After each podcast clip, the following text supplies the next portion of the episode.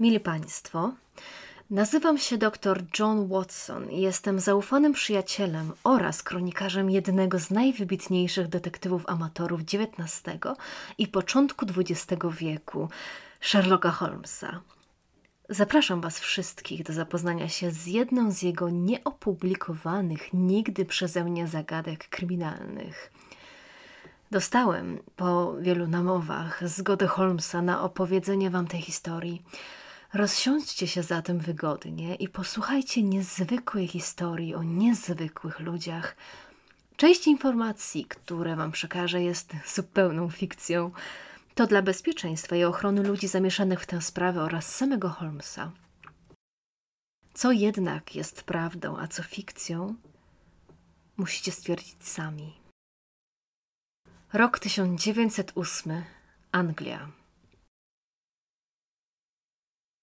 Był to jeden z tych typowych angielskich dżdżystych poranków, kiedy jedynym wybawieniem dla człowieka jest filiżanka mocnej kawy i tosty z jajkiem. Mimo, że był to styczeń, za oknem na zmianę albo mrzyło, albo lał siarczysty deszcz. Ludzie chodzili przyklejeni do fasad budynków, a wściekłe bezdomne koty, warcząc z poirytowania, szukały otwartych piwniczych okienek. Akurat raczyłem się śniadaniem, kiedy nieoczekiwanie do naszego mieszkania, przemoczony do ostatniej nitki, wpadł mój przyjaciel.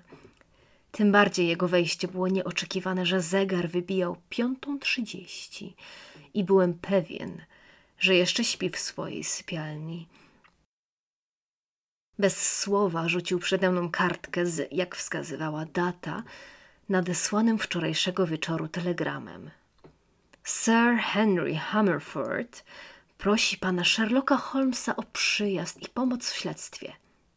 Afera międzynarodowa. Przeczytawszy tajemniczą wiadomość, złożyłem papier i odłożyłem na bok, żeby nie zalać go kawą.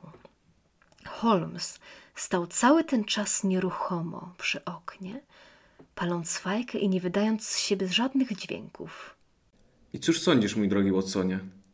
Zapytał w końcu, chyba kiedy ocknął się na brzdęk spadającej ze stołu łyżeczki. Czy wiesz coś o tym Hammerfordzie? Spojrzałem na niego spod blatu, sięgając po łyżeczkę.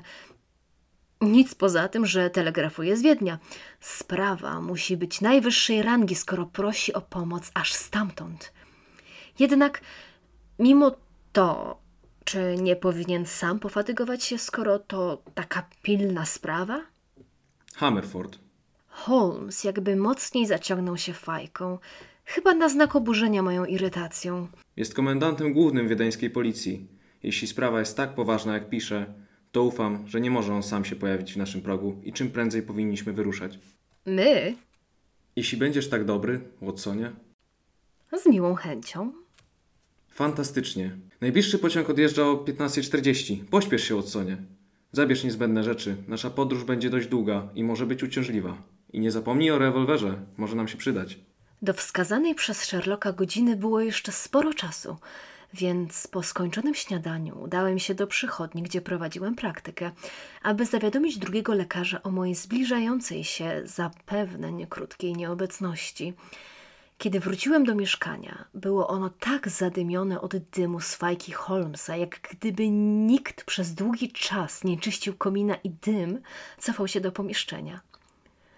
Sherlockowi zdawało się to jednak nie przeszkadzać, kiedy rozłożony wygodnie w swoim fotelu z nogami opartymi o stolik kawowy zaciągał się po raz kolejny fajką, leniwie pociągając smyczkiem po strunach położonych na kolanach niedbale skrzypiec. Był to od zawsze jego standardowy rytuał, kiedy głowił się nad jakąś sprawą. Otworzyłem okno, żeby wywietrzyć pomieszczenie, po czym poszedłem przygotować się do podróży. Czas zaczął nas gonić. Dwa dni później, Wiedeń, posterunek policji. Jak dobrze, że panowie już są. Panie Holmes, cieszę się, że pana widzę. Jak zawsze jest pan niezawodny, doktorze Watson. Zwrócił się do mnie, lekko się kłaniając i przyciskając służbową czapkę, którą właśnie ściągnął z wieszaka do piersi. Zaszczytem byłoby dla mnie ugościć panów herbatą, Jednak musimy czym prędzej udać się na miejsce przestępstwa. Czy zatem mogę panów prosić? Wszystkie znane mi fakty opowiem po drodze. Po tych słowach, nie czekając na naszą reakcję, wybiegł z posterunku, tworząc taki przeciąg, że podmuch wiatru, którego był sprawcą, porozrzucał notatki wściekłego z tego powodu sierżanta. Hammerford nie zwrócił jednak na to uwagi, więc pognaliśmy za nim, wymijając zbierającego z podłogi i rzucającego niechlubne uwagi pod adresem przełożonego młodego człowieka. Otóż panowie, Zaczął Hammerford, kiedy tylko drzwi policyjnego pojazdu zamknęły się za nami. udajemy się na Zedlisgasse 6 do Zedlishalle, gdzie obydwa gdzie odbywa się wystawa polskich artystów malarzy. Dostaliśmy zawiadomienie od anonimowego gościa z wystawy, który był wielce przekonany o tym, że jeden z obrazów to reprodukcja. Panowie wybaczą, wtrąciłem nieśmiało, ale czy dla was wszystkich oczywistym jest, dokąd jedziemy? Holmes wydawał się niestruszony informacją o naszej destynacji, jednak nie byłem do końca przekonany, czy wiedział o czym mowa, czy po prostu nie robiło to na nim najmniejszego wrażenia. Ja jednak, choć nie przyszło mi to z łatwością, postanowiłem rozwiać swoje wątpliwości, dopytując o dokładne miejsce, ku któremu zmierzaliśmy. Budynek przy Zedlitzgasse kojarzył mi się bowiem dotąd tylko z halą rybną. Było to dla mnie zatem niemałym dysonansem prezentować obrazy i ryby w jednym miejscu. Doktorze Watson, proszę o wybaczenie mojego nietaktu. Zreflektował się Hammerford. Budynek przy Zedlisgasse w 1902 roku przekształcono z targu rybnego na salę wystawową. Obecna wystawa jest pierwszą w tym budynku.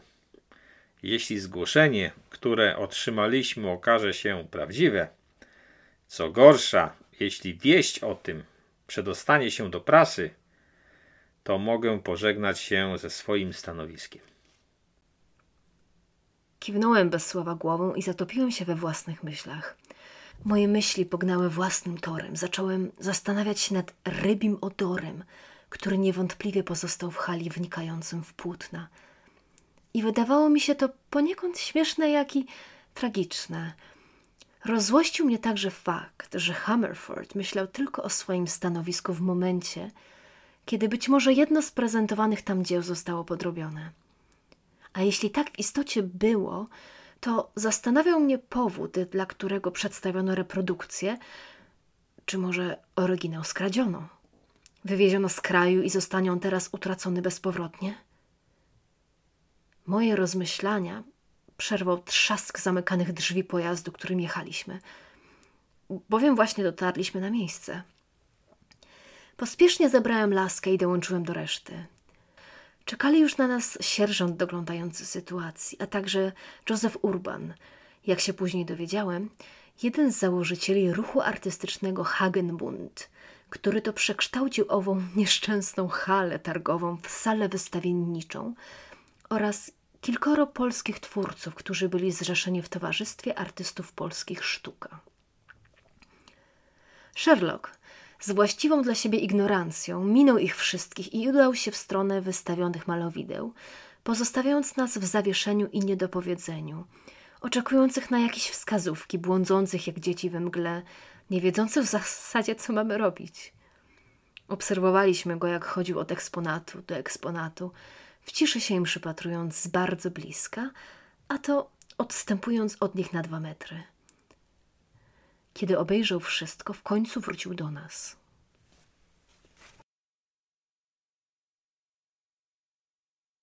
Wszystko jasne. Czas na rozwiązanie zagadki. Dlaczego mają Państwo takie zdumione miny?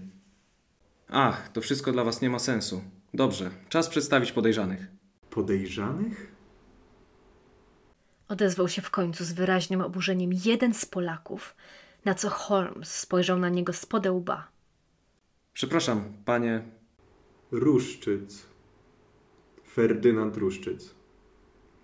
Jestem prezesem sztuki. Będę teraz chciał przesłuchać każdego z Państwa artystów na osobności, a Pana, Panie Hammerford, poproszę o pozostanie tu na straży. Nigdy nie wiadomo, co się może jeszcze stać. Po tych słowach Holmesa komendant pobladł jak ściana i byłem już gotów ruszyć na pomoc, bo wszystko wskazywało na to, że zaraz zemdleje. Tak się jednak nie stało. Osunął się tylko na krzesło stojące pod ścianą i bez zająknięcia zaczął wpatrywać się tępym wzrokiem w podłogę, skulony niczym zbity pies. Watsonie, Ciebie proszę ze mną. Mam nadzieję, że zabrałeś rewolwer, jak prosiłem. Tę drugą część zdania wypowiedział tak, żebym tylko ja mógł usłyszeć jego treść. I to mnie przeraziło.